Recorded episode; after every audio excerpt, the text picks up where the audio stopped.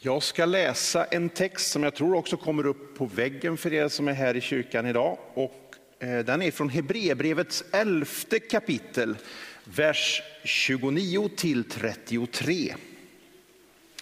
I tro tågade folket från, genom Röda havet som på torra land.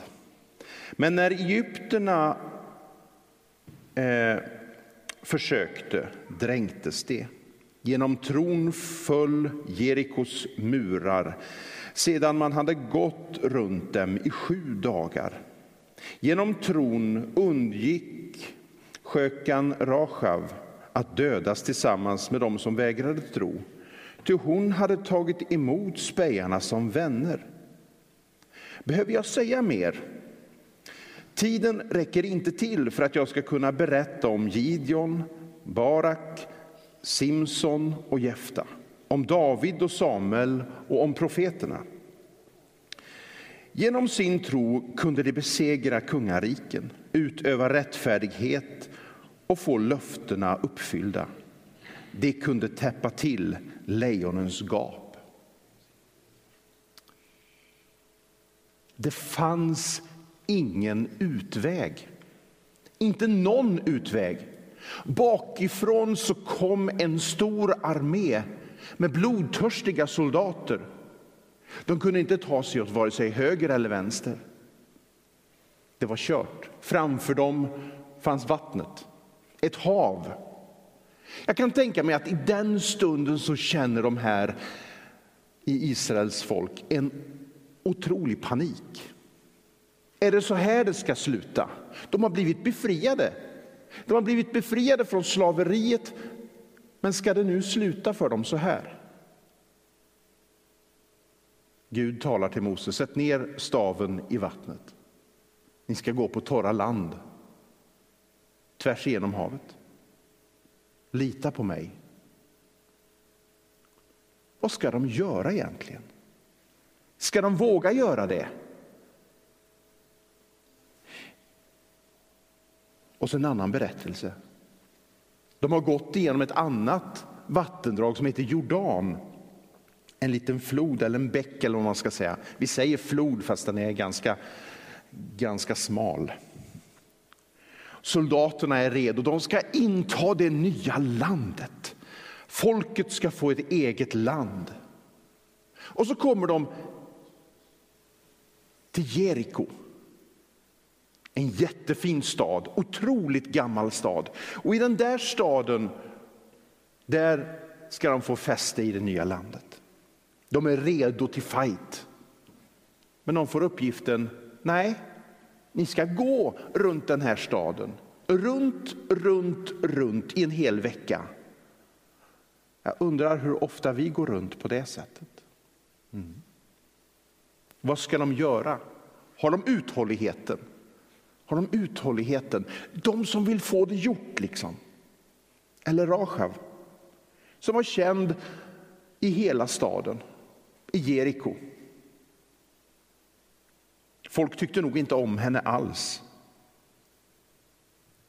Men hon, hon hade valt att hjälpa några av israeliterna. Och hon får uppgiften att lita på Gud då kommer hon att bli räddad. Men vad ska hon göra? Hon kan ju vända sig liksom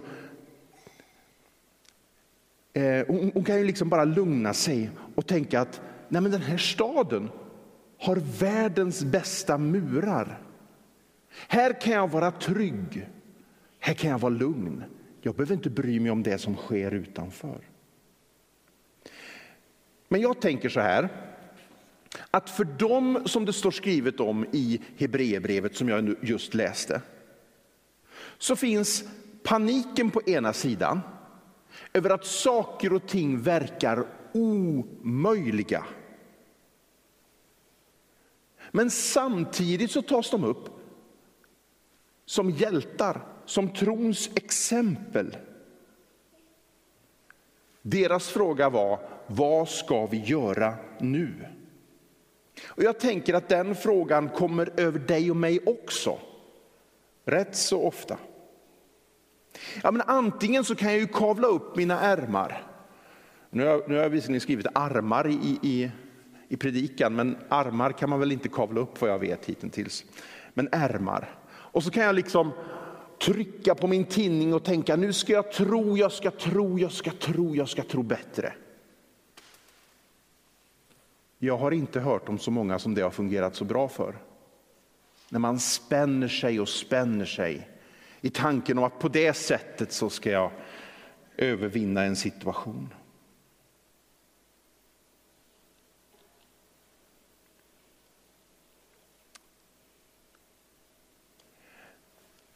När det är svåra situationer kan jag också välja att hålla folk bortanför. Mitt liv är inte helt, jag mår inte bra, men jag väljer att hålla dig utanför. Låtsas som att allting är bra, fast det inte är det.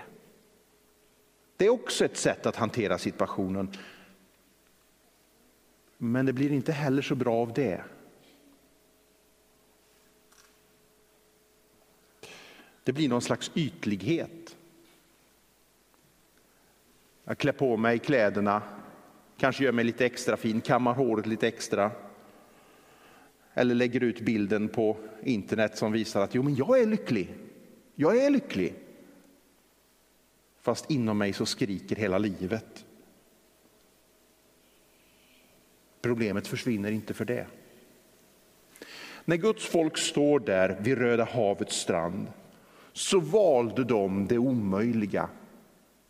De valde att tro. Eller för att säga det på annat sätt, de valde att lita på Gud. Men det är inte bara någonting man kan säga, det är också någonting man behöver göra. Precis som Jakob säger i sitt brev. Tron utan handling är död. Så Moses säger till folket, följ mig ut till vattenkanten. Och där får de se ett Guds under. Soldaterna får behärska sig vid Jerikos murar och gå runt staden om och om igen, dag efter dag.